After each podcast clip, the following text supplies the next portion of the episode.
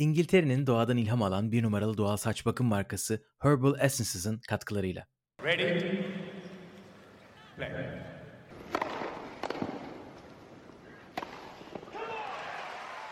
Merhabalar, Raket Servisi hoş geldiniz. Ben Gökalp. Ben Anıl, merhaba. Evet, ne, neler yaşadık, e, neler oldu? Biz ne izledik böyle ya? Biz ne izledik sorusunu sorulduğu bir günde beraberiz. Acayip. Hoş geldiniz. Wimbledon'ı kapadık hayırlısıyla. Biz az önce ne izledik? Deyip bir dakikalık saygı duruşu.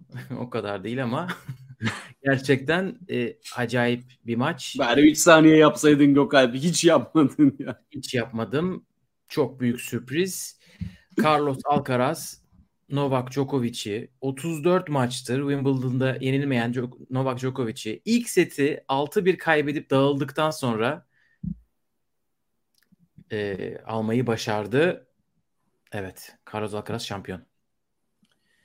Ben böyle bir maçı, böyle bir daha doğrusu bir maç bittikten sonra böyle bir hissiyatı en son 2019 Wimbledon finalinde yaşamıştım. Böyle bir tren geçmiş gibiydi üstümüzden ki hani Federer yenildiği için o zaman böyle ekstra bir de bir e, çöküntü vardı o 40-15'ten benim şahsen üzerimde. Bugün de bu maç ne oluyor, neler izliyoruz, bu seviye nereye kadar gidecek ve hani o kadar tansiyon yüksek sayılarda o kadar garip ekstra şeyler e, gördük ki yani ben şey düşündüm. Keşke bu maçta iki oyuncuda da e, bileğinde bir nabız ölçer olsaydı da onun Anıl sesin bende gitti ama en son bileğindeki nabız ölçeri duydum. E, chat de aynı durumdaysa ona göre bir pozisyon alalım. Bir grafiğini bir görseydik. Heh, tamam şimdi grafiğini görseydik de geldi. Toparladın. Hızlı bir toparlama yaşadın. E, devamını alalım. Kadınlarda bu oluyordu bu arada. E, görüyordum. Evet. Onlarla paylaşılmıyordu ama e, onların sponsoru Whoop olduğu için e, onların nabız bilgisini ölç, ölçüyorlardı ve işte maçın en yüksek yerinde kaçtığı ve maçın hangi yerinde oluyordu gibi gösteriyorlardı. Gerçekten iyi fikir. E, çünkü ben Alcaraz'ın özellikle son iki servis oyununda e, nasıl servis attığını bilmiyorum. Nabız bir kenara, elleri nasıl ıslak değildi gibi sorular var aklımda. Yani stres seviyesi acayip yüksek bir maçtı. Ee, özellikle maçın 2-1 e, olmadan önceki döneminde Djokovic belki de ilk defa uzun süre sonra e, ya ben bu maçı kaybediyorum galiba hissiyatına girdiğini e, oyununda ve ruh halinde gördük. Novak Djokovic sette kaybetti öncesinde e, basit hatalar da yaptı. Kötü seviyelere de düştü. Ama hep e, böyle ne yapar eder bu maçı alır hissiyatını bize veriyordu. E, bugün ilk defa o enerjiyi alamadım ondan. Ve setler 2-2'ye geldikten sonra o hani e, Alcaraz'ın servisini kırdı ve se, ikinci seti almaya çok yaklaşmıştı zaten. Sonra 6-3 ile kapadı. Orada dahi tamam artık bu maç Djokovic'in raketinde diyemedik. Ama bunun ya sebebi ben, sadece Djokovic değildi. Ben dedim. Ben 3. 5. set 3-2 Alcaraz öndeyken servis kırma avantajı varken ben Djokovic kazanacak diye düşünüyordum. E, çünkü yani, Djokovic onu çok fazla yaptı. Hani sana öyle gelmemiş ama çünkü bir yerde karşı taraf dökülüyor açıkçası. Hani bu heh. çok fazla Djokovic'ten de olduğu için değil ama Djokovic maçlarını izlerken hep geri geldiği için en büyük örneği bugün artık kaç defa andık bilmiyorum 2019. Ama ondan önce 2015, 2014 maçları yani çok acayip geri dönüşler. Onun için ben seninle aynı noktada değildim. Ben hala şaşırıyorum sonuca. Ben Novak Djokovic tarafında ben de seninle aynı noktadaydım. Ama bugün Alcaraz işte o dökülmeyi yaşamayacak hissiyatını bana e, verdi. Özellikle ilk sette kötü oynarken ki hani ne kadar kötü oynadı diyebiliriz. Orada tipik bir Novak Djokovic Wimbledon oyununu ilk defa gördü ve bence çok hızlı bir şekilde öğrenip ikinci sette öğrendiklerini uygulamaya başladığı bir e, atmosfer oldu. Çünkü yani servis kırma sayısı da yakaladı. Onu evet. kırdırdı. Sonrasında 2-0'a geldi ve tipik bir Novak Djokovic Wimbledon maçı izliyoruz dedik. Ama sonrasında Alcaraz'ın rallilerde hata yapmaması ve esasında açı kullanımı ondan sonra işte e, kritik sayılarda basit hatalar yapmaması, büyük puanlarda asla tedirginliğe düşmemesi. Hani hepsini kazanmadı ama birçoğunda mental olarak büyük puanların üstün olan taraf Alcaraz'dı. Bence Novak çok biraz son son setleri düşünüyor olabilirsin yani seni bölüyorum ama çünkü ilk iki set çok fazla kaçırdı break puanı. Ee, burada Doğru hatta, diyorsun e, bir şey konuşalım. Maçın sonucundan dolayı istatistikler ne evet. oldu? Neler oldu? Maç nasıl bir etki yarattı? Sonra istiyorsan evet, detaylı ben maça çok girelim. Öyle bir şeydeyim ki gaza gelip gidiyorum. Sen bir düzene sok bizi. ee, Özge Jim demiş ki hepimiz son ana kadar Novak bir şekilde çevirecek diyorduk ama tiebreak'i kaybetmesinden bugün kaybedeceğini anlamalıydık. Çok güzel bir yorum bence. Tiebreak kaybetmiyor. Bir şeyler farklı. Avustralya açık ilk turundan beri ya pardon ilk tur olmayabilir. E, Avustralya açıkta oynadığı ilk tiebreak'ten beri kaybetmiyordu Djokovic ve ikinci set tiebreak'te 3 basit hatası var. Herhalde e, herkes şaşırmıştır ki Alcaraz'ın da vardı. Orada e, setler eşitlendi. Tabii Alcaraz'ın da e, ikinci sette yaptığı bir sürü şey var. Ama Alcaraz bugün kazanarak neler yaptı? E, bir kez tabii ki Djokovic'in inanılmaz serisi var. 5 yapacak da üst üste Djokovic. Onu bir durdurmuş oldu. E, Federer ve Borg'la beraber üst üste 5 yapan 3. erkek tenisçi olacaktı. 8'i e, engelledi şimdilik. Şimdilik diyorum çünkü neden önümüzdeki sene favori olmasın ki Djokovic? E, neden olmasın? Wimbledon'ını kazanacaktı. onlar bir kenara. Dünya bir numarası tabii söz konusuydu. Ne tarafa gidecek? Kazanan dünya bir numarası olarak devam edecekti. Şu anda herhalde biraz daha rahat rahat herkes şey diyordur. Evet geçen sene Wimbledon puanları verilmediği için dünya bir numarası biraz muallaktaydı ama şu anda ikisinin de ikişer Grand Slam şampiyonluğu var. İkisi de birer tane kaçırdı. E, Djokovic Amerika'ya gidememişti. Alcaraz Avustralya'ya. E, çok yakın gidiyorlar. E, 2017'den beri yenilmiyordu Djokovic Wimbledon'da. Berdih'e maçtan çekilmişti o zaman. Bitirdiği maç da en son yenildi 2016. Merkez kortta kaybettiği en son maç 2013. Andy Murray. Acayip seriler bitirdi ki Andy Murray sen de yazmışsın acaba ne düşünüyor diye maçı izliyordu. Ben de çok merak ettim. Acaba o noktada ne düşünüyordu? Çünkü e, çok hızlı bir maç olacağı benziyordu. Sen de bana dedi ki acaba yayını 7'de mi başlatsak? Vallahi öyle görünüyordu. Ee, ama İstiyorsan 5-0'da böyle başından konuşmaya gelebiliriz. Olabilir. Yani maç nasıl başladı? Şöyle bir kronolojik olarak ilk set klasik bir daha, daha önce de dediğim gibi e, Djokovic maçıydı e, Wimbledon'da. Ama Alcaraz sence neleri farklı yaptı? İkinci setin e, tiebreak'e gitmesini ve o tiebreak'i Alcaraz'ın almasında sence neler fark etti? Yani ne oldu o mucize? Çünkü Alt, Djokovic'in tiebreak kazanma kaybetme olasılığı maç kaybetme olasılığından daha düşüktü. Yani öyle bir şeyde öyle bir şey oldu. Evet. E, herhalde servis e, en, en başta servisi söylemek lazım. E, bilmiyorum ne kadar heyecana bağ, bağlıydı ilk setteki Alcaraz'ın performansı. Çünkü açıkçası şey de oldu. Hani maçın başı 30-40 başladı Djokovic'in servisinde. Alcaraz oradan kırdım, kıramayıp sonra kırdırınca dedik ki yeni bir Djokovic maçında daha beraberiz. E, ama servis e, kötüydü. İkinci set servis özellikle %14 yani 7'de 1 ile puan kazanmış. İkinci sette 199 kilometrelik ikinci servisleri vardı Alcaraz'ın. Belki bir belki iki ama hani o ne kadar daha böyle evet bu maç daha e, iyi olacak şeyini ilk defa orada e, verdi gibi hissettim. Ben ilk set hiç ne güldüğünü hatırlıyorum. Ne vamos diye bağırdığını hatırlıyorum. Belki ikinci setin böyle 4-4-5-5'lerinde mi ne geldi? Çok geç böyle o e, Holger Rune maçında söylemişti ya çok büyük Vamos diye bağırdı Holger Rune maçının ilk setinde tiebreak aldıktan sonra. Sonra sordular biraz fazla bağırdın gibi geldi bize. E, bir de sandalyeye oturunca bağırdın. Neden bu kadar bağırdın?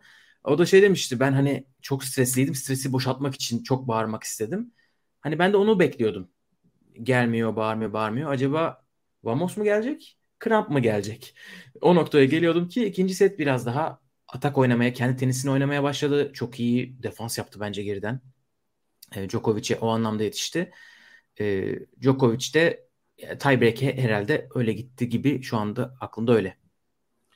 Yani benim özellikle dikkatimi çeken şey e, Alcaraz'ın çift hata yapsa da veya işte e, sıkıntı yaşasa da ikinci servisini maç planında taktiğinde agresif olarak belirlemiş. 170-177 kilometre hızla atıyordu ki normal ortalaması 165 kilometre civarıydı.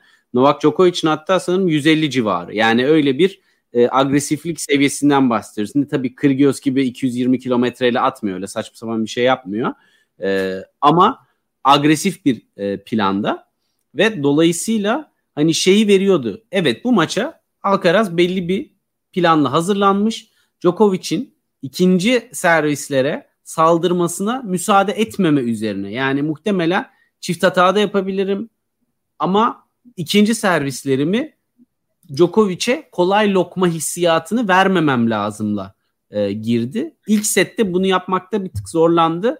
Kademe kademe bunu düzeltti ve bence en önemli şey rallilere çok uyum sağladı. Kortta hareket etme şekli bir yana zaten onunla kadar geliştirdiğini düşündük ama böyle tiebreak'e doğru giderken iyice oyunu karıştırmaya başladı ve şu oldu. Bence oradaki özellikle tiebreak'te şu kırılma anı oldu. Djokovic önceki maçlarda izlediğimiz o evet maç zaten kafasında oynadı. 3 son, üç vuruş sonrasında da ne olduğunu zaten biliyor ve ona göre hareket ediyor durumundan Djokovic bir sonraki vuruşu öngöremez hale geldi. Çok daha fazla ters ayakta kaldı ve bu öngörememezlikten dolayı da basit hata sayısında da ciddi e, artış oldu bence ve tiebreak'te belki de biraz bu belirledi ki aslında tiebreak'e de iyi başlayan Djokovic'ti ama sonra şey gibi böyle geriden gelip momentumu alıp ardına bakmadı gibi bir şey oldu Alcaraz. Evet. Zaten bu tamamen tiebreak'in belirlediği bir set oldu. Hani hani set içerisinde şey hatırlamıyorum çok fazla. Çok büyük fırsatlar kaçtı gibi bir şey hatırlamıyorum. Yok. Sadece ikinci servisi Djokovic'in ikinci sette 10 kilometre düşmüş hızı. Evet. İlk sete göre. Onun için burada tabii e, Alcaraz da daha iyi saldırmayı başarabilmiştir. Atak. Ki ona rağmen %60'la puan çıkarmış e, Djokovic. Ama tiebreak hiç ona benzeyen bir tiebreak değildi yani. Sanki böyle o Space Jam benzetmesi. Böyle o 2-3 basit hata. Birisi onun vücuduna girip hiç e, Djokovic'in oynamadığı bir tiebreak oynayıp ben Alcaraz'ın orada biraz şey olmasını bekliyordum. Titremesini bekliyordum. Çünkü bu herkes bekliyor. Yoktu. Yani herhalde beklediğim seviye dozda diyeyim. Çünkü drop shot attığı ilk iki set kaç sayı vardır? Bence 5'ten fazla değil gibi geliyor bana. Bakarız. Şimdi maç çok taze ama ve başarı oranı çok düşüktü Djokovic. Hepsine muhteşem yetişti. Ve yetiştiği yetmiyormuş gibi geri çizgiye slice yolluyordu. Hani ya da mini tenis oyunu böyle bileğini şöyle kırıp hemen böyle inanılmaz dar açıyla çapraza bıraktı. 3-4 sayı hatırlıyorum. Hani Alcaraz'ın çok büyük forehand vuracak gibi yapıp bıraktığı droplar dördüncü sette falan mı 3, 4, 5'te daha çok oldu. Onun için tiebreak 2 düşünüyordur bence şu anda Djokovic. Çünkü George yazmıştı. Biraz önce gördüm. İkinci setin ortasında Djokovic 0 alır diyordum. Ben de öyle düşünüyordum. Çünkü buradan bir tiebreak o moral bozukluğuyla rahat bir set daha ve 3-0 Djokovic gibi geliyordu bana. Ya şey e, Cuma günü yayında konuşuyorduk hatırlıyor musun? Hani şey demiştik.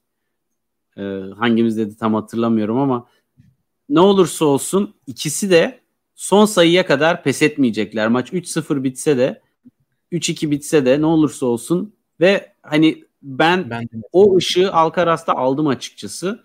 Ama sen de, e, çünkü ben, ben Alcaraz'ın öyle olacağını düşünmüyordum. Peki. Peki o zaman ben demişimdir. Kredi alıyorum üstüme o zaman kardeşim. ee, yani şöyle bence Roland Garros tecrübesi çok büyük ders olmuş ve bunu e, büyük, büyük gördük bugün.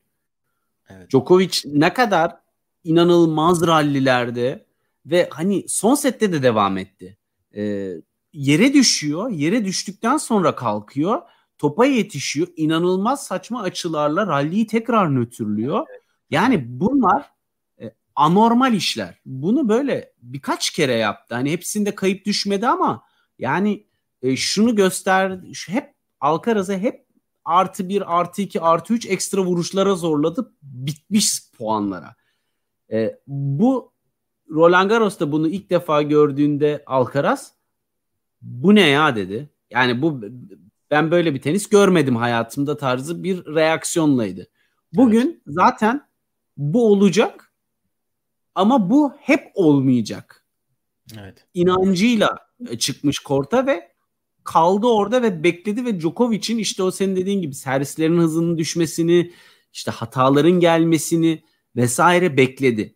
Ki ilginç olan nedir biliyor musun? Normalde işte tam o noktada duran hep Djokovic oluyordu veya Nadal oluyordu veya Federer oluyordu. Ve bunu Rakibin bence yanlış. Djokovic'ten hata beklemek bence %95 oranında yanlış bir e, mantalite. Ya şöyle hata beklemek o anlamda değil. Oyununun düşmesini. Çünkü Djokovic aslında evet. çok daha böyle rallilerde basit hata yapmayan ve böyle işte dediğim gibi artı bir artı iki ekstra vuruşlara hep zorlayan. Evet, Ondan evet. sonra seti kazandıktan sonra Alcaraz 1-1'e geldikten sonra Novak Djokovic bir nevi kolay sayı verir hale geldi. Yani bu aslında basit hata yapıyor anlamında değil ama Alcaraz'ın iyi vuruşlarında topların geri gelmemesi biraz daha arttı. Bence ee, biraz için e, kötü haber bu arada orada. Alcaraz'ı ben ilk defa rahatlamış olarak ikinci set tiebreak'te falan gördüm. Hani omuzları iyice rahatlamış. Evet. Allah dedim. Şimdi asıl başlıyor. Çünkü evet. forehand hızı çok yükseldi 3. set başında. Evet. Bu arada iki sözü Paris'e getirdin. Çünkü onu basın toplantısında çok konuştular tabii. Daha birkaç hafta önce Djokovic karşısında inanılmaz sert iki setten sonra eli ayağı tutmadı. Ee, her yerine bütün vücuda kramp girdi. Özellikle sağ eli e, parmaklar hiç çalışmıyordu falan derken basın toplantısında soruyorlar arka arkaya.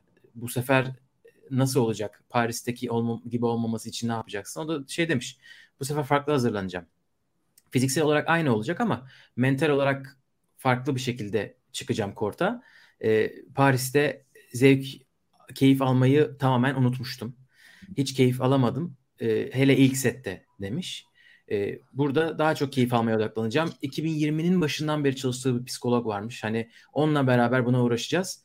Şimdi ben bunları dinledikten sonra ve ilk sette ilk bir buçuk setteki Alcaraz'ı gördükten sonra dedim psikoloğun belki değişmesi gerekiyor olabilir. ben hiç keyif görmüyorum açıkçası.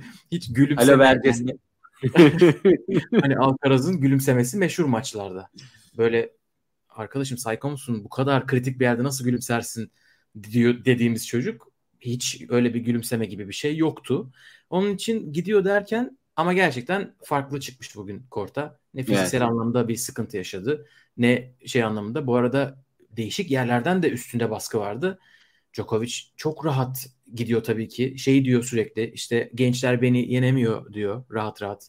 E, tiebreak rekorum geliştikçe ben daha iyi duruma geliyorum. Onlar da daha baskı oluyor diyor. Bir de basın toplantısında Alcaraz'a şey sormuşlar. E, Djokovic'in dediğine göre bütün spor dünyası pazar günü sizi izleyecek. Ne düşünüyorsun? Şimdi böyle bir soru sorulduğunda benim beynim bulanık değilse bile bir panik yaparım. Böyle omzuna 150 milyar ton yükleniyor o anda yani değil mi?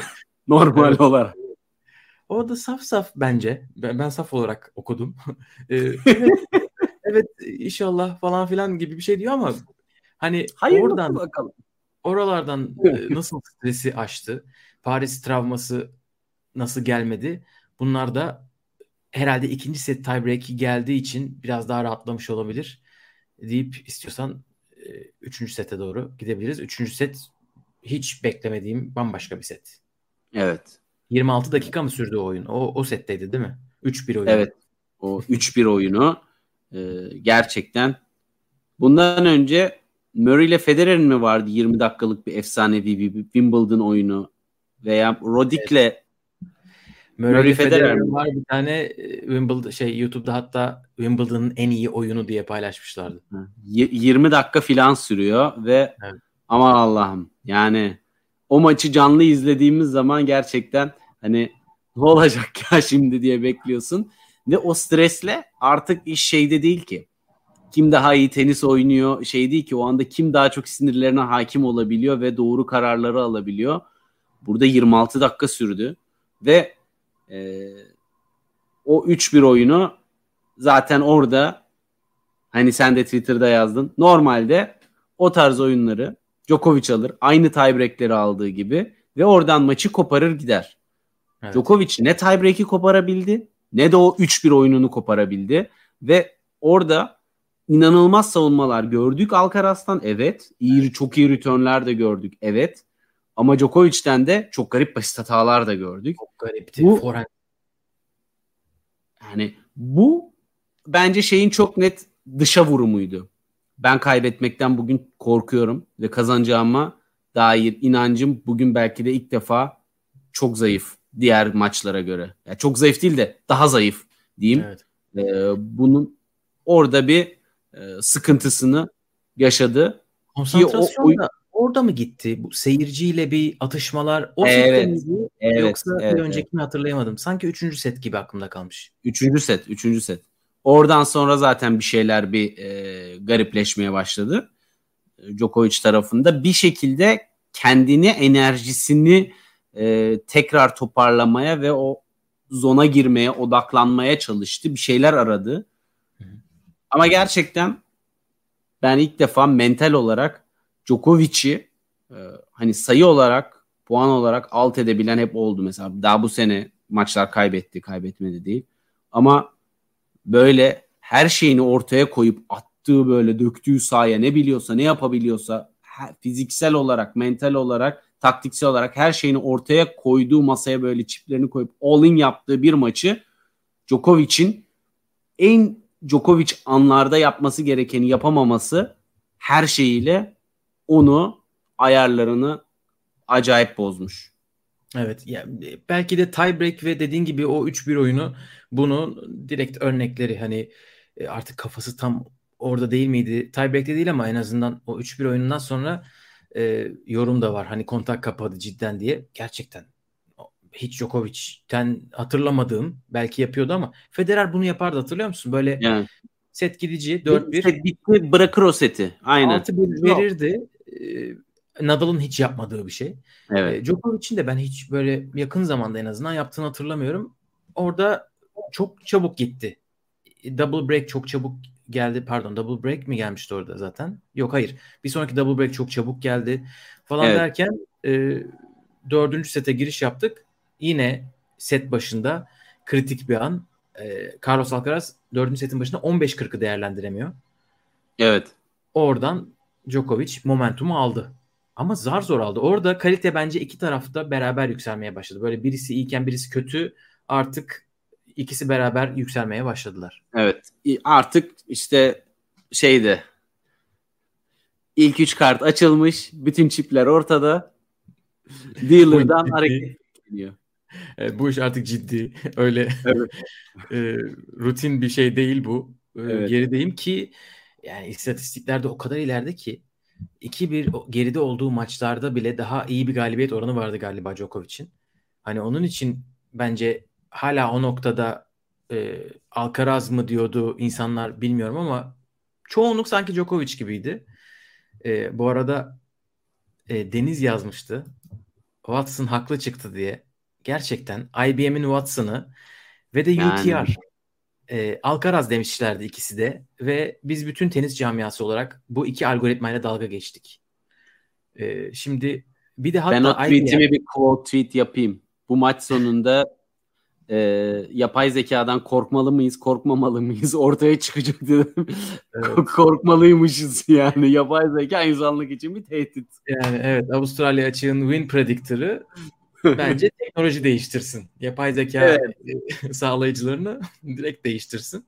Yani ee, IBM'in maç istatistik yayınlama ve paylaşma kalitesine eğer kötüyse ve bu arada çok kötü win prediction'ları da var e, önceki turlarda ama burada e, işi tutturdu. Ama işte işi tutturmasının sebebi bence ne biliyor musun? Bizim o soft fact olarak aldığımız Djokovic ne yapar eder rakibi mental olarak çökertir. Hani o AI'ın evet. hesaba katamadığı şey. O bugün hakikaten olmadı da. Ben onu bile bir şekilde hesaba katıyordur gibi. Artık o kadar korkuyorum ki yapay zekadan. Ama dediğin en gibi bugün saatlerde bunlardan bir kuple yoktu yani. Hani evet. Bugün ben de bana da dedi, yani psikolojik savaşta biraz daha pasif kaldı gibi mi diyorsun? Evet. Bana biraz öyle geldi Djokovic. Hani daha böyle e, yırtık böyle bağırıp çağırdığı bir hava bekliyordum. O neden olmadı bilmiyorum. Dördüncü seti yani kazandığı zaman gerginlik hani, ihtiyacı oldu. Yani shot clock'tan dolayı hakemle arıza çıkarmaya çalıştı. Ama yani şimdi düşün. Hindrance'da o hindrance olayında sakin kalan Nole shot clock'tan hakemle didişiyor. Ya bu çok net şunu gösteriyor. Bir şekilde bir enerji toplamaya çalışıyor. Bunu yapabilir de bu arada. Bence çok fair yani. Hani buradan Alcaraz da etkileniyorsa o, o da ayrı bir şey. Ama bu tarz şeyler yapmak bence işin doğasında biraz da olabilir. Sonra e, geçen maç ağla ağla yaptı. Bu maç işte şey, öpücük yolladı filan o Roland Garros'ta yaptığı gibi. Ya bunları yapabilir de e, bunlara ihtiyacı varsa bence hiçbir sıkıntı yok. Ama işe yaramadı. Yani ilginç olan o. Nole çünkü psikolojik olarak, mental olarak ne zaman bir şeye ihtiyacı olsa ve bir şeyler denese tutuyor gibi oluyordu. Bu sefer hakikaten ne denese böyle yıkılmayan bir dev vardı karşısında. Açıkçası. Ben evet. öyle yorumladım. Evet ben e, bir oyuncunun Djokovic'in çimdeki performansına ve e, böyle gerçekten sinir bozan derecede yüksek kalite defansına e, bu kadar takmadığını hiç görmemiştim. E, bunu ya Djokovic'in çünkü seviyesini yüksek görmek için e, o, rakibinin de seviyesinin çok yüksek olması gerekiyor. Hı. Rakibinin seviyesinin bu kadar yüksek olduğu bir Federer 2019 finali yakın zamanda, 2018 Nadal yarı finali. Kimse kusura bakmasın da yani işte Kyrgios falan o maç öyle bir maç değildi. Zaten e, servis maçı gibi bir şeydi o. Evet. Hani böyle Djokovic'in defansta inanılmaz seviyelere çıkmasına gerek kalmayan bir maçtı.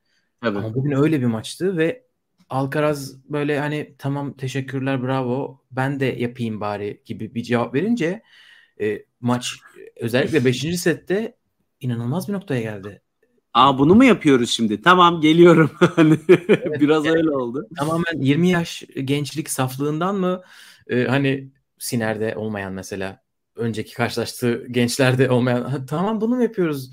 Hadi ben de geliyorum dediğin gibi böyle bir hevesle. e, çünkü Djokovic bugün yani kaç defa bacaklarını tamamen açıp yine muhteşem forentler, backhandler vurup kazanmaması gereken 10 Her şeyi yap. En en en top seviyesinde bence çok güzel bir Djokovic izledik bugün. Yani bence defans anlamında öyle. Atakta evet. inisiyatif kendisindeyken çok hata yaptı. Ee, Ve Pardon yok, lafını ya yani özellikle e, hani 3 ile 4. sette diyeyim. Ee, ama defansta bence çok iyiydi. İşte o noktada bence şey çok oldu. Alcaraz Nolan'in kafasına girdi. Çünkü normalde Djokovic e, çok fazla böyle fırsat bulduğu anlarda topu bitireceği yerler belliyken Alcaraz'ın ekstra ekstra aynı onun gibi defans yap- yapması o kolay görünen vuruşlarda onu da fazla düşünmeye itti.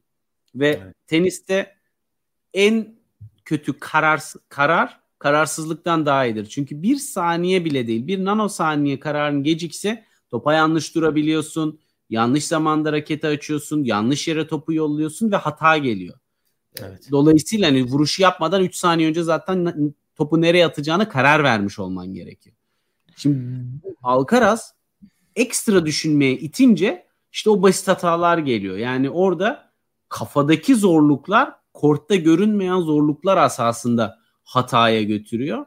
Ee, burada da hakikaten Kalitos'a da şapka çıkarmak evet. lazım. Neler yaptı? Ne passing Mert yazmıştı e, şeyde Twitter'da 5 kez mi e, backhand passing shot geldi diye. Dolayısıyla evet. Yani evet, onları evet. gördükten sonra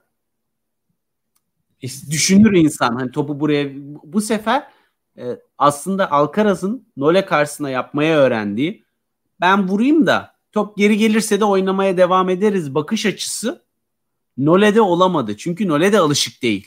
Hani kendi gibi birisi karşıda olmasını biraz yadırgadı ve bununla başa çıkamadı esasında. Ben biraz o dördüncü seti aldı ama beşinci setin başlangıcı vesaire biraz orada film gerildi evet. gibi. Özellikle evet. o 30-40'da file de kaçan. Dör, aldığı dördüncü sette iki tane break puanı veriyor mesela Alcaraz'a. Alcaraz kullanamıyor bunları. 15 40 değil mi? %71 ile ilk servisten puan çıkarmış. %67 ile ikinci servisten. Yani böyle inanılmaz yüksek sayılar değil. Turnuva ortalamasının çok altında. Hatta evet. böyle bir yorum da var. İlk servisi sıkıntılıydı bence genel olarak diye. Şimdi tabii ancak istatistik kağıdına bakabiliyorum toplam ama bu gerçektir herhalde. Çünkü e, basit hata e, sayımında beni kaybetti Wimbledon uygulaması. Artık kim sayıyorsa o basit hataları e, bir ara o kadar az yazmışlardı ki bilmiyorum ama Alcaraz 66 winner'a 45 basit hata, Djokovic 32 winner'a 40 basit hata diye bitirmişler maçı. Ama Djokovic böyle bir şey yok. Bak şu anda baktım ve inanamıyorum. Sen bakmadıysan tahmin alayım. Djokovic'in maçta kaç ace'i vardır? 5 setlik bir maç. 4 saat 43 dakika. 4 mü? 2 ace atmış sadece. Ya ben hiç hatırlamadı, hatırlamıyorum ya hatırımda yok. Özellikle burada evet. bir de uydu sıkıntılı maç takıla takıla izledim bir ara. Ama yani Ama hiç hatırımda yoktu. %84 ile e, ilk servisten puan çıkarıyordu ilk 5 maçında. Bugün evet. %62. Tekrar tekrar bakıyorum yanlış mı bakıyorum diye. Çünkü %62 ile ilk servisinden puan çıkarması Djokovic için çok kötü. E, hatta yani neredeyse ikinci servis aynı olacakmış. %56 ile çıkarmış. Ki Alcaraz çok fazla return hatası yaptı. Ona da Yok fazla abi, vuracağım diye. E, ma- malum şey 3G internetim hani gördük. Şeye bir bakabilir misin? Birinci sette peki bu istatistik nasılmış? E, %79 ile çıkarmış. Bir ace. E, 19'da 15 ile e, kazanmış. Hani birinci set gibi gitseymiş ki Djokovic için bu aşırı bir şey değil. Maç ortalamasını %84 evet. yapabiliyor çünkü ilk servislerde. Evet. Ee, Alcaraz buna ne kadar e, etkilemiştir bilmiyorum. Sanki ilk servis özellikle. Hani ikinci servis bence rakip çok etkiliyor. Ama ilk evet. servis Alcaraz böyle Medvedev gibi Medvedev sert kortta diyeyim şimdi değil. Hı hı. Hani böyle her yerden dokunabiliyor gibi bir performansı da yoktu. Ama e, Djokovic bunu da düşünüyordur büyük ihtimalle. Hani maç sonu bir e, analiz yaptıkları zaman servis o şeylerden biri olacak. Yani bir departman olarak geride kalan şeylerden biri olacak. Yani şöyle e, bence şu faktör kesinlikle vardı bu arada. E, baktığın zaman Alcaraz bence de ilk sette zaten hani çok standart Nolen'in aşırı agresif ve riskli olmayan birinci servislerinde e, topu ya fileye taktı ya çok kötü blok yapıp topu böyle e, uzak şekilde auto çıkacak şekilde çoğunu çevirdi. İkinci sette ama e, biraz biraz toplar içeri girmeye başlayınca hani e, çok fazla servisini korumayı başarsa da Djokovic hani pabucun biraz daha pahalı olduğunu e, gördü ve biraz risk seviyesini birinci servislerde e, arttırmak durumunda kaldı bence. E, evet. Çünkü yani e, özellikle servis de kırmakta zorlanınca ikinci sette e, kendi servisin üzerindeki baskı da arttığı gibi yani aslında Nole'de olmayan bu tarz faktörlerden etkilenmeyen biri olarak bu maçta her normal oyuncunun etkilendiği faktörlerden etkilenmiş oldu. Biraz e, işin anormal tarafı o. Evet, Djokovic'in normal olması Aynen. normal bir şey değil. Ee, Aynen. o yüzden zaten hani evet. diyorum. Şimdi 5. sete bakıyorum mesela. Djokovic'in kariyerinin e, imzasının olduğu şeydir. Final set performansı. 5. set istatistiklerinde üstün olduğu bir tane departman var. Daha az basit hata yapmış. Çünkü inisiyatifi hiç almamış gibi gözüküyor. Sadece 3 winner'ı var. 6-4'lük bir setten bahsediyoruz. Yine bunlara tam güvenememekle beraber ama artık winner'ı da doğru saysınlar. İki defa sektiği sürece artık winner oluyor. E, Djokovic 3 winner, 3 basit hata. Alcaraz 18 winner, 5 basit hata. Bunların kaç tanesi drop shot'tu merak ediyorum. E, inanılmaz bir inisiyatif. Nasıl eli titremedi son sette. Evet. E, %74 ile ilk servisten kazanmış Alcaraz. Djokovic 67. İkinci servis Alcaraz %70. Djokovic %55. E, bir tane break puanı yakalamış Djokovic. E, onu da değerlendiremedi. E, şimdi tam hatırlayamadım o break puanını. Bir geri dönüp bakarız ama sanki ilk servis oyunundaydı Alcaraz'ın. Tabii Ve ki 30-40'da o filede kaçırdığı top. Alcaraz inanılmaz ha, bir savunma tamam. yaptı. Tamam. Ee, ve smaç. E, ya smaç değil böyle yarı yukarıdan forehand e, vuruşu. Ha, Orada tamam. sinirler bozuldu zaten. Hatırladım. Onun üzerine de servis kırdı e, Alcaraz ve onun üzerine e, changeover'da 2-1'de raketi kortun direğine geçirdi Djokovic sinirden. Evet, Direkte gerçekten. o direklerine tarihi anlar yaşandı ama artık tahtanın o kısmı e, yok. Orada e, World Feed'de anlatan spiker o kadar e, romantize etti ki o anı ben şaşkınım ve de mantıklı da geldi. Adam dedi ki işte yani yapabilir bunu çünkü bu kadar zaman nasıl içinde tutacak o direği alıp e, bir e, şeyde açık artırmada satsınlar, geliri Novak Djokovic vakfına versinler. Ama ne kadar kısa sürede düşündünüz bunu beyefendi hemen iki saniyede bu senaryoyu buldunuz bu falan derken e, evet orada bir seyirciyi hemen seyircinin şeyini şimşeklerin üstüne çekti Djokovic. E, raketi yere vuramıyorsunuz tabi. Çime vurmak yasak. E, otomatik ceza. E, çime zarar vermemek gerekiyor diye e, net e, direğine vurmayı tercih etti ve gerçekten dediğin gibi orada ufak bir e, öyle bir sıyrıklar oluşturdu direkte.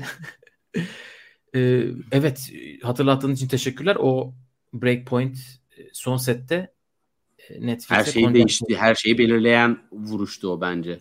Netflix'in işte belgeselinin adı bunun için bu denecek cinsten bir puan. İnşallah Alcaraz'ı takip ediyorlardır bu sene de. Yani oyunun yani, değil maçın break point'uydu. Maçın kırılma puanı. Maç kırıldı kariyerinin break puanı. e, ve de e, inanılmaz bir son servis oyunu Alcaraz'dan. E, yani 5-4'te servis atıyorsun. Wimbledon şampiyonluğu için. Herhalde ilk vuruşunda drop shot denemezsin. Ben kırdırır dedim. Ben Ve kırdırır dedim. 0-15 oldu zaten. Drop filede kaldı. Evet. Ondan Tam dedim klasik kırdırma. Ona bir tane daha denemezsin ve bu sefer 15-15 oldu. Drop geçti karşıya. Ve Djokovic o kadar beklemiyordu ki işte bütün ezberi o kadar bozmuş ki Djokovic doğru düzgün hareketlenmedi bile ona. Evet. Yani tebrik ediyoruz. Ne diyelim? Nasıl bir kapatış? O dediğim, o bahsettiğim hani Djokovic'in artık vuruşları öngörememesi dediğim tam da o işte. Yani başkasının denemeyeceği şeyleri müthiş bir karışıklıkla Alcaraz'ın denemesi Djokovic'in de artık puanlara hazırlıksız yakalanmasına sebebiyet verdi. Yani e, işin çok garip tarafı bu. Hani yarı finalde Medvedev'le oyun oynadığında Alcaraz demiştik ki bütün hani bunu hatırlıyorum ben demiştim hatta.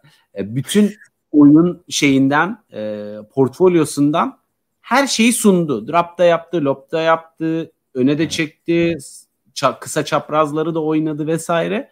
Burada da onu yaptı ve hiç rutinde yapmadı. Dolayısıyla hani kafasından neler geçiyor? Puanı nasıl kuracak? Bir sonraki hamlesi ne olacak? Bilemiyorsun. Bu evet. bu yani Djokovic gibi artık her şeyi görmüş geçirmiş bir adam için olabilecek en uyuz ve sinir bozucu şey. Karşısındaki ondan o gün daha iyi olabilir. Yapacak bir şey yok der bırakır. Ama karşısındakinin ne yaptığını anlayamaması onu deli etti. Evet. Ki hani o kariyerinin o noktasında ve o seviyede olan hani ben tenisi biliyorum ve her şeyi öngörüyorum diyebilecek bir insan için olabilecek en büyük zorluk bu. Yani iyi oynamak, kötü oynamak, rakibinin iyi veya kötü oynaması bir kenara. Valla benim maça dair söyleyecek bir şeyim kalmadı. Ee, zaten maçtan sonra da nasıl bu kadar şey yapabildik e, tükendim. İstiyorsan biraz maç sonu konuşalım. Birkaç tane de evet. sorum var. Bir tanesi e, şimdi bu insanlar maçı izlemişler midir ve izledilerse ne düşünmüşlerdir diye e, bir e, egzersiz yapalım istiyorum. Bir Yannick Siner. İki bence Ha tamam. Ben vereceğim cevapları. Sen söyle. 2 Roger Federer. Aynısı geçti aklımdan. Federer, Federer'i e, ben de bekledim. O zaman birden başlıyorum. E, Yannick Sinner demiştir ki Djokovic'i yenmenin bir yolu varmış. Vay be. Ama ben böyle oynayamam. Ben bunu yenemem. Bence bunu Peki, demiştir. En önemlisi e, çimde kaymamak demiş midir? Yok onu bilmiyorum. Ayak şampiyonluklarıma lanet olsun. evet. Keşke kayak oynamasaydım. Kayakta İtalya'nın gençler şampiyonu olmasaydım. Ee, yani inanç olarak herhalde çok büyük bir kırılma yaşatmıştır gibi geliyor bana gençlere. Yani. Çünkü Djokovic'in çok üst seviye oynadığı maç genelinde değil ama maçın önemli kısımları yani en azından 4. 5. sette Djokovic bence iyiydi. Çok iyi Hmm. seviyede oynayıp bu jenerasyona kaybettiği ilk maç olabilir mi? Ya Danil Medvedev Evet. maçını saymıyorum çünkü. Evet o maç psikolojik maç. O Kesinlikle maçta bu, ağlıyor. açıdan Yani 3. sette ağlıyordu arada. Onun için Tabii. ben o maçı biraz kafamda ayrı bir yere koyuyorum. Medvedev'e bütün e, şeyi kredi vererek artık bütün değil de. Ama Djokovic tam değildi gibi. Onun dışında kaybettiği maçlar Nadal'a, Berdih'e, Sam Querrey'e. Zverev ve olimpiyatlarda. O Grand Slam değil onu saymıyorum Tokyo'da. Tamam. E, Orada da bayağı mental olarak e, Orada evet yani hiç gitmemesi gereken bir yer diye konuşuyorduk hatta. Ee, o tam da sonra gidip Pablo Carreño'ya da madalya maçını kaybetmişti. Onun için bu belki de ben ilk defa Djokovic'in böyle büyük bir adammış gibi gördüm. Ee, Alcaraz kupasıyla o şiltle dururken. Bir dakika dedim bu büyük jenerasyondan gerçekten bu adam. Çünkü maç sonrasında da konuştular. İşte e, Alcaraz bir stand-up show yaptı orada. 36 yeni 26 diyordun ve gerçekten haklısın. Djokovic diyor ben bu jenerasyondan olduğum için çok mutluyum. Kaybedince biraz daha böyle göze batıyor. Evet bu adam 36 yaşında ve 36 Evet. yaşında olduğunu anlamamız için kaybetmesi gerekiyor. Hiç hiç Ama fiziksel olarak kaybetmedi bu maçı. Yani Djokovic'in fiziğinde bir o filede raketi kırdığında bir sanırım bileğine hafif biraz fazla yüklendi. Ondan sonra bileğini bayağı şey yaptı, salladı. evet evet dedim. Yani e, gerçekten burada bileğini sakatladıysa asrın salaklığı olabilir. E, hani öyle bir e, kafandan birebir geçen düşünceyi söylüyorum. Serena Ama- Williams'ın şey geldi aklıma asrın sakatlığı deyince diskoda mı ne bir yerde cam kırığına basıp Wimbledon'ı kaçırması. Bir de Martina Hingis'in attan düşüp Wimbledon'ı kaçırması. Böyle bir bölüm yapalım ayrıca. Buraya çok girmeyelim. Gerçekten. Yani Evet. 2000'ler çok özeldi ya. Ee, bir de Federer izlemiş midir? Ne diyorsun? Evet. Federer şu, bence şunu demiştir. Bari burada biraz huzur verdi bize. hani çünkü 5 kez üst üste kazanma rekorunu korudu. 8'i geçebilir. Bence o konuda fine'dir ama hani o 5 kez üst üste çok onu böyle Borg'la özel bir yerde tutuyor ya hani Borg'a da çok bir özel bir saygısı var ya. Oraya Djokovic'in ilişmesi çok hoşuna gitmez bence. Yani birçok Yani- rekor konusunda fine'dir ama Zaten 100 rekordan 95'ini aldı. En azından biri Yani bana bari bu- bari burada huzur ver be adam. Ee, Djokovic benim beklemediğim kadar çabuk toparlamış gibiydi bu arada. Ben röportajda biraz daha e, Müthiş. Filede modun- filede nötralize olmuştu. Pardon lafını kestim. ya modunun düşük olmasını bekliyordum. Çok e, yani ne, ne kadar Alcaraz'ı hani yükseltebilirse o anda ve ne kadar onu böyle ışık altında tutabilirse o kadar tuttu. E, sadece tabii bu Lever Cup'ta da olmuştu hatırlıyor musun? Oğlunu gördüğü çocuklarından bahsettiği anda gitti orada. Orada Evet. ağlamaya başladı. E, çocuklar deyince. Bu arada Stefan helal olsun. Çocuğun umurunda değil. Oh ne güzel. O zaten Nadal'cı. Onun favorisi zaten oynamıyor turnuvada. Umurunda değil. Ben mutluyum. Mutlu olmuş meğer. Kızı da Rublevcu muydu? Evet o da öyleymiş. Onu da bu turnuva öğrenmiş olduk. Valla Djokovic'e helal olsun. Ee, bu klas bu kadar çabuk nasıl şey yapıldı. Bir de gitti Dil Reis e, Alcaraz'ın takımına bir de İspanyolca tebrikler dedi. O hengamenin içinde. O konuşması. Onu da sıkıştırdı araya. Helal olsun. Ee, Yani ve de ilk defa değil, ikinci defa finalist tarafından konuşmasını yaptı. Bu Yani- başka. ben maç öncesinde de hani demiştim şeyi e, Alcaraz'ı dengi gibi görüyor ve maça öyle başlayacaktır. Hani o saygıyı duyuyor. E, bence o yüzden bugün kaybetmek de onun için e, hani saygı duyduğu birine e, kaybetti. Yani ben bu maçı nasıl kaybettim değil bugün kafasından geçen. Evet evet. Ben öyle. burada çok büyük bir maç oynadım. Nüanslarla başka büyük bir tenisçi bu maçı kazandı deyip böyle büyük bir maçın bir parçası olarak hissetti. Yani kötünün kötüsü olarak kaybetmedi. Çok iyinin az kötüsü olarak kaybetti bugün maçı. E, dolayısıyla bence onun bir bilinci var. Saçma sapan bir şekilde kaybetmedi. Gerçekten çok özel bir performans karşısında ve her şeyini ortaya koyarak. Çünkü bu kadar büyük oyuncular o gün her şeyini veremiyorsa da kendine kızar ya. Gittim böyle mi maç kaybettim ben gibisinden. Evet. E, bunlar yoktu. Filede de yoktu. Bence ilk fileye geldi zaten. E, orada dedim ki Nolan'in yüzü gülüyor filan. Hani gerçekten o da Alcaraz'a büyük saygı duyuyor. Bu da tabii ki e, çok önemli bir şey. Çok fazla kazanmayacağım maç kazandım. Mesela 2019 finalini kazandım. Böylece e, ödeşmiş olduk dedi. Hani böyle yakın bir maçı kaybetmiş olabilirim dedi Djokovic. Tabii güzel tarafını hemen bulduğu için e, Alcaraz'dan hiç beklemediğim bir e, cool'lukta çok espritüel bir e, röportaj. yani İspanya kralına da her geldiğinde kazanıyorum. Sen gelmeye devam etsene demezsin. Ülkenin kralına. Gerçekten kral sen misin reis. Yani, evet, yani bu yalnız bu da bence saflığından. Nadal öyle bir şey demeye cesaret edemez bence. Nadal efendi efendi konuşur. Bu böyle şımarık olmayan bir çocuk şeyi tamamen e, hevesiyle e, kralına da teşekkür etti. İşte dediler kraliyetten insanlar burada. O şey diyor işte Prince of Wales falan diyor.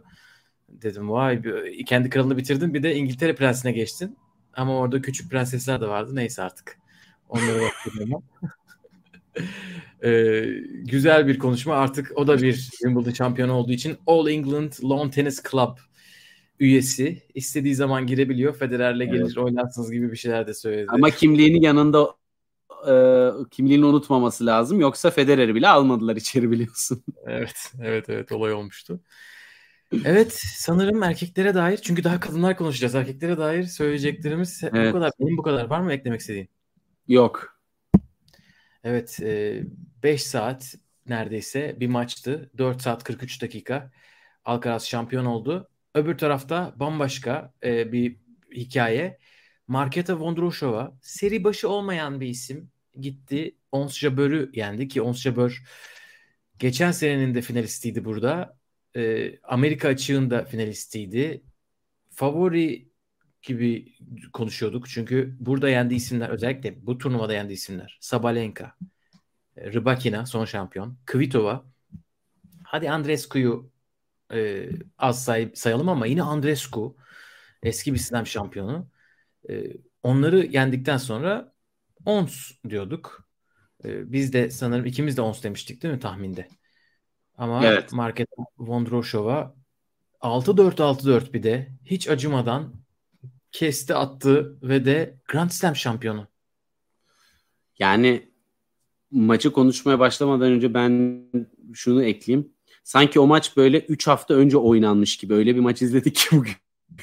Gerçekten yani böyle değil mi ya bir final daha vardı hissiyatı böyle kafama e, gel, dank etti şu anda. E, açıkçası Ons yapabileceklerini yapamadığı için Vondrushova bence şampiyon oldu. Vondrushova da e, sakin kalabildiği için şampiyon oldu. Ve e, evet. ben özellikle break öndeydi. Ons ilk sette, ikinci sette de e, gayet momentum onun lehineydi. Eli ayağı birbirine girdi. E, müthiş bir şey e, stres duvarına çarptı e, ve onunla nerede başa çıkabilecek, nerede toparlayacak diye hep bekledim. E, ikinci sette toparladı herhalde. Buradan alacak, götürecek diye düşündüm. Ama evet, inanılmaz 3-1'e kadar çok iyi. Garip. Yani orada ee, iş bitti. Evet, beni bilirsin. e, kim gerideyse onu desteklemeyi bir borç biliyorum evrene. Yani bunu artık e, sadizm, sadizm mi dersiniz, mazoşizm mi o seviyede yapmaya başladık o zamanlarda. E, Elif'le beraber e, Kadıköy Belediyesi'nin kurduğu Kalamış Parkı'nda Tente'de onun altında izledik ve ben şey noktasındayım. İlk seti Vondroshova kazansın sonra maçı Jabber kazansın. Çünkü zaten ilk set Jabber kırdı önde. Tamam dedim Marketa iyi destekliyorum falan derken çok güzel oldu. Sonra tabii ki Jobber'ı desteklemeye başladım. Çünkü Marketa Vondroshova öne geçtiği için. Ee, ve bu arada biz orada böyle 8-9 kişi çünkü Kadıköy Belediyesi dünkü göstermesini neden duyurmadı bilmiyorum. Duyurmadılar.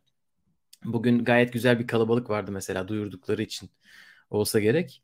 Ama e, dünkü maçta birkaç kişiydik. Herkes neredeyse onsu destekliyor. E, biz de 3-1 olduktan sonra bir sevindik ama e, bacakları durdu Jabber'ın. Ki geçen senenin final tecrübesi de olan bir isim. E, geçen sene Amerika açıkta final oynamış bir isim. E, tamamen bence de mental e, sakin kalmayı başaramadığı için iş buralara geldi. Zaten Vondroshova da öyle söylemiş. Yani Vondroshova'nın ne kadar sakin olduğu konusunda bütün takımı çok şaşkınlarmış. Yarı finalde daha çok heyecanlıydım diyor Mark Vondroshova. Söylemezsin. Yazık. Onsa yazık. Eğer bu arada e, Breakpoint bu seneyi onsu çekiyorsa ben bu bölümü izleyemem. Vallahi billahi izleyemem. Yürek kaldırmaz. Nasıl ağladı? Basın toplantısına nasıl gelmiş? Burnu tıkalıydı Onsun ağlamaktan. E, o da şey diyor yani üstümde çok büyük baskı vardı. E, maçtan önce stres hissediyordum.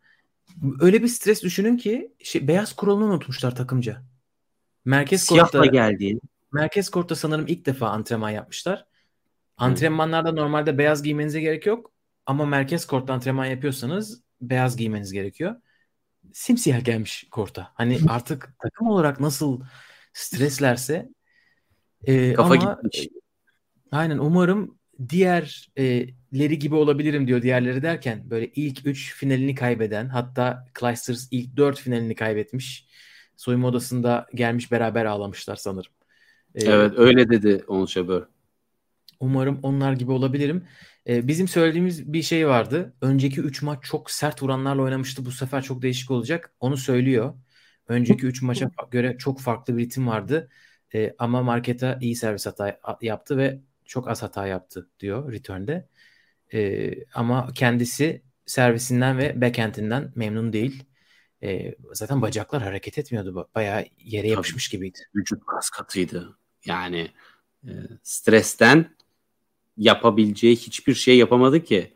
E, evet. O kadar çok böyle kolunu savuramamasından, swing'i yapamamasından, fileye taktığı top, böyle e, kafanın dalgın olmasından dolayı e, saçma sapan hareketler yapması yani bütün turnuva boyunca o dediğimiz hani o kontak kapamayı hiç yapmadı dediğimizi aslında burada da yapmadı. Yani o yüzden kötü oynamadı. Kontağı kapadığı için kötü oynamadı. Maçın onun için anlamı, önemi o kadar büyüktü ki evet. o baskıyla baş edemedi. Aynen. Keyif almayı Ama... unuttu zaten. Hani Alcaraz için de söylüyorduk ya Ons için de. E, evet. İkisi de keyif aldıkları zaman çok üst seviyelere çıkıyorlar ki evet. hele Kvitova maçı zaten Mansur Behrami gibiydi Ons Jabeur Kort'ta. Bayağı cebine bir top sokup üçüncü topu atıyor bir şeyler. Aynen bir o eksikti. Diğer maçlar da öyleydi. Ama final maçında o ilk baştaki Jabeur gitmiş tabii ki. Evet. Beklentiler üstünde. E, o rahatlık yoktu. Vondroshova da bu arada hani Jabeur'ün yolunu çok övüyoruz. Vondroshova'nın elediği isimler de yani özellikle Kudermetova ve Vekic çok formda isimlerdi. Buraya gelirken ikisinin de çimde finali vardı. Bu sene daha birkaç hafta önce. E, bunun dışında Peyton Stearns, Maria Buskova, Jessica Pegula, Elina Svitolina. Daha düşük seviye tabii ki. Bunlar Rybakina ve Sabalenka değiller. Ama e, böyle Tatiana Maria değil. Hani geçen sene evet. Ons Jabber'ın yarı finalde yendiği gibi bir profil de değil. E, ve Vondroshova'nın çimde hiçbir şey yok. Galibiyeti yok neredeyse bu turnuvadan önce. Gelip kazanıyor. E, eşi de sonunda eşini de gördük. Bütün hafta kediye bakıyordu iki haftadır evde. Kedi bakıcıyı bulmuşlar gelmiş. E, adeta Elif'le beraber konuşurken Sanki bir baby e, filtresi uygulanmış gibi bir e, arkadaş kendisi. E, bir dövme daha yaptıracakmış Vondroshova. Hem kendisine hem de koçuna. Zaten. Evet, dövmeci de yaşadı buradan.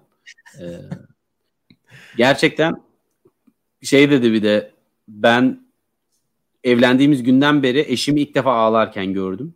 Ki evet. maç boyunca hiçbir yüzünde bir duygu ifadesi yoktu. Maç sonunda ağladı. Evet. Bir ee, de şaşırdım ev, dedi. Evlilik yıl dönümleriymiş bugün. Ee, bugün. Ee, ve 8 yıldır artık herhalde 8 yıldır beraberler. 8 yıldır bu kadar duygu gösterdiğini hatırlamıyorum diyor. Evet. Evlilik yıl dönümünü de bu arada Wimbledon'ın kazananlar balosunda kutlamak nasıl bir flextir? Yani. Şimdi e, e, Alcaraz'la tenisçinin en büyük hayallerinden bir şey olabilir yani zirve hani. Daha özellikle olsun. Temmuz'un 3. pazarına şey yapmış mesela. e, ama, ama 8 yıl sonra Temmuz'un 3. pazarına denk gelecek şekilde. E, dans edecekler sanırım. Öyle bir gelenek de var. Kadınlar ve erkeklerin kazananları dans ediyor. Merak ediyorum nasıl bir e, foto çıkacak ortaya. E, evet yani Berlin'de çiftlerde finale çıkmış bu arada. E, partneriyle beraber Sinekova ile. Onun da faydası oldu diyor. E, bir tek maçı bitireceği oyunda 40-0 öndeyken nefes alamadım demiş. E, ama e, hani çok mutluyum çünkü çok önemli noktalarda iyi savaştım demiş. Evet. Bence bu ilk set 0-2 ve ikinci set 1-3 oyunlara özellikle Vondroshova e, müthiş tutundu oyunlara. Yani zaten Vondrushova'ya maçı kazandıran en önemli faktör soğukkanlı kalabilmesiydi. Ve soğukkanlı kalmayı e, çok çok daha kolay hissederdi onun açısından. Şimdi Ons Jabber'ın omzundaki yükle Vondrushova'nın omzundaki yük farklıydı. E, ben açıkçası burada Vondrushova'nın e, çok inanarak korta çıkmadığı için çıkmayacağını düşündüğüm için ve Ons'un esasında ya böyle Ons'un çantasında balistik füze de var, G3 de var, işte e, bıçak da var, bomba bomba da var, her şey var, el bombası da var. Bondruşova da böyle işte hafif tabancayla takılıyordu. Biraz evet. öyleydi maçtan önce. Ama yani, bilmiyorum ben bence onda da çok fazla şey var. Zaten maçın ilk yani, hatırlıyor musun? Drop evet. artı çizgiye düşen lob. Vondroshova Şimdi zaten bu. Şimdi evet kabul. Fakat Ons'un Vondrushova'ya yapabilecekleriyle Vondrushova'nın Ons'a yapabilecekleri arasında e, opsiyon olarak çok daha fazla olan taraf Ons'tu. Ama hani gelmeye çalıştığım nokta şu. Ons o kadar silah yanında dururken onları kullanabilecek e, şeyi yok. E, ruh hali yoktu. Vondrushova evet. ise hani yapabileceklerini yapabildiği bir e, ruh halindeydi. Fark oradaydı. Evet. Mental koçu da vardı. Aslında Onsun. E, locasındaki e, hanımefendi. E, Pliskova, Pliskova'nın kulakları çınlasın. Vondroshova'nın da e, ailesi Tek ve Ova ile bitiyor. Hepsi aynı evet. falan. Wimbledon finalisti. evet. Ama o finalist olarak kaldı. E, Vondroshova'nın ailesi bayağı onu rahatlatmış olacak. Kız kardeşi zaten onun yerine bütün duyguları biriktirmiş kendi bünyesinde. Maç sayısında hüngür hüngür ağlıyordu. Evet. E, ve de Çekler bir tane daha şampiyon kazandılar e, Wimbledon'da. E, Kvitova'dan sonra tabii Navratilova var ama sanırım o hep Amerika e, vatandaşlığıyken kazanmış. Şimdi de Vondroshova. E, arada e, Pliskova finale yükseldi. Novotna var şampiyonları. E, inanılmaz bir ekoller. E, yani Vondroshova ile Muhova aynı kulüptenlermiş. Hani Vondroshova arayıp işte Muhova'dan şey taktik almış. Çünkü Muhova Fransa açığı kaybettiği zaman hüngür hüngür almış. Krejcikova hala tesislerdeymiş. İşte Krejcikova ile konuşmuşlar. Nasıl bir ekip bu? Helal olsun. Değil mi? Yani e, yani Çek kadınlar hani hep diyoruz ya böyle bir Çek kadın tenisçi ekolü varken hani say say bitmiyor. Erkekler neden bu kadar e, kısıtlı? Çok anlam veremiyorum açıkçası. Ama e, Çek tenisi belki de en böyle e, imkanlarına rağmen e, böyle overachieve yapan ve ekolle, kültürle buralara gelen ülkelerden bir tanesi. Yani böyle tek bir yıldız çıkarmıyor. Böyle yağıyor. Ve Vondroshova şu anda 10 numaraya yükselecek. Ve kendisi e, Çeklerin bir numaralı tenisçisi değil. Kvitova var çünkü. E, Kvitova'dan sonra iki numarada. Yani ama çok absürt bir yükselme var. Onun için erkeklerde neden böyle değilleri bence sormamak lazım gibi geliyor bana. Kadınlarda neden böyleler daha çok? Hani çünkü böyle bir ülke yok. Ee, şimdi bakıyorum. 33 numara olan e, Sinyakova, dünya 33 numarası olan Sinyakova, Çeklerin 7 numarası. Hani böyle de bir ülke olmayan. Billie Jean King kapı alınmıyor. Dünya 33 numarası evet, mesela. Aynen. Birileri sakatsa ancak nereden dolayı illaki alınır. Aynen o. Evet. Aynen. Aynen öyle. Acımazlar. Orada birini çizerler yani her türlü. Evet bakalım Ons geri gelebilecek mi? Ee, göreceğiz. Ee, birkaç defa şey yaptı. Burası olacak dedi. Söz veriyorum size dedi. Ee, Kort'ta söyledi. Tweetini attı. Ee, sonra basın toplantısında da tekrar söylemiş. Söz veriyorum yapacağım diye. Ee, heyecanla bekliyoruz.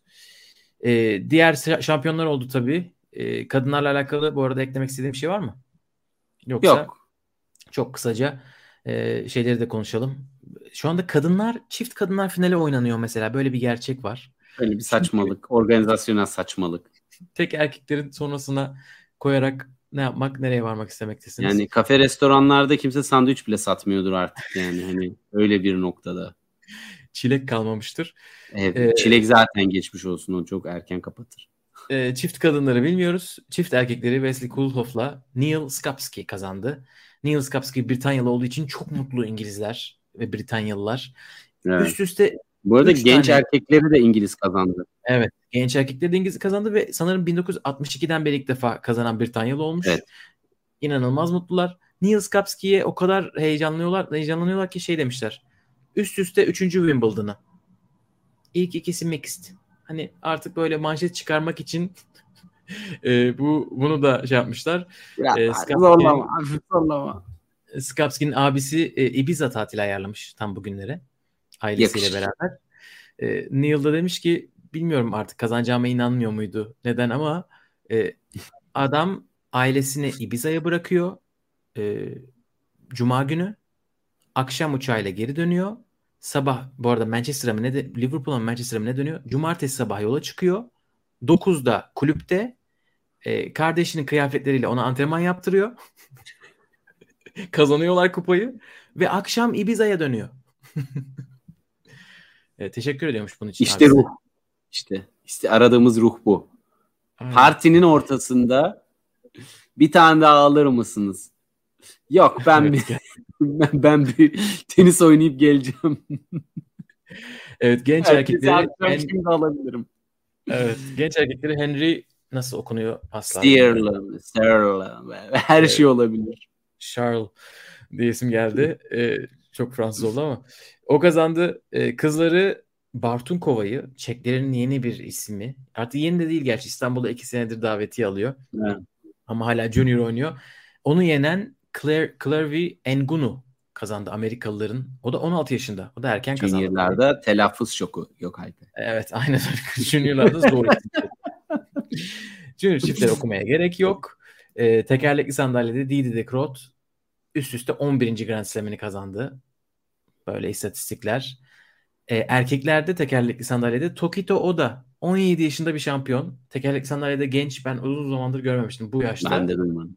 E, Genelde 35 artı oluyor. Aynen şampanya içemiyorum onun için maden suyu gibi bir şey içeceğim kutlamak için demiş. Evet. e, Quad'ı da e, Niels Fink kazandı. Niels on Wheels diye bir e, çok tatlı bir e, takma adı var. E, çift kadınlarda oynanıyor e, dediğimiz gibi. Diyerek herhalde Wimbledon'ı şöyle bir paketleyebiliriz. Paketi, paketi bir yaptık evet. Evet, e, biz kendimiz de e, teşekkür edelim. Wimbledon'da e, çok yayın yaptık, çok sizle e, konuştuk, mesajlaştık, çok da memnunduk. Bir vlog oldu arada, e, değişik değişik şeyler yaptık. Güzel iki hafta oldu. Valla her şeyiyle aktarmaya, hislerimizi, heyecanımızı paylaşmaya çalıştık. Bir çim sezonunun da sonuna geldik. Artık sert zemine doğru ufak ufak gider gider bu gemi. Aynen. Ee, bu arada bu bölüm bizim 199. bölümümüz olacak. Bir sonraki bölüm 200. 200'e özel bir konsept düşünüyoruz. Aklına gelen bir şey olursa, biri, biri olursa e, bekleriz. Yorumlara. Yorumlara her zaman bekleriz.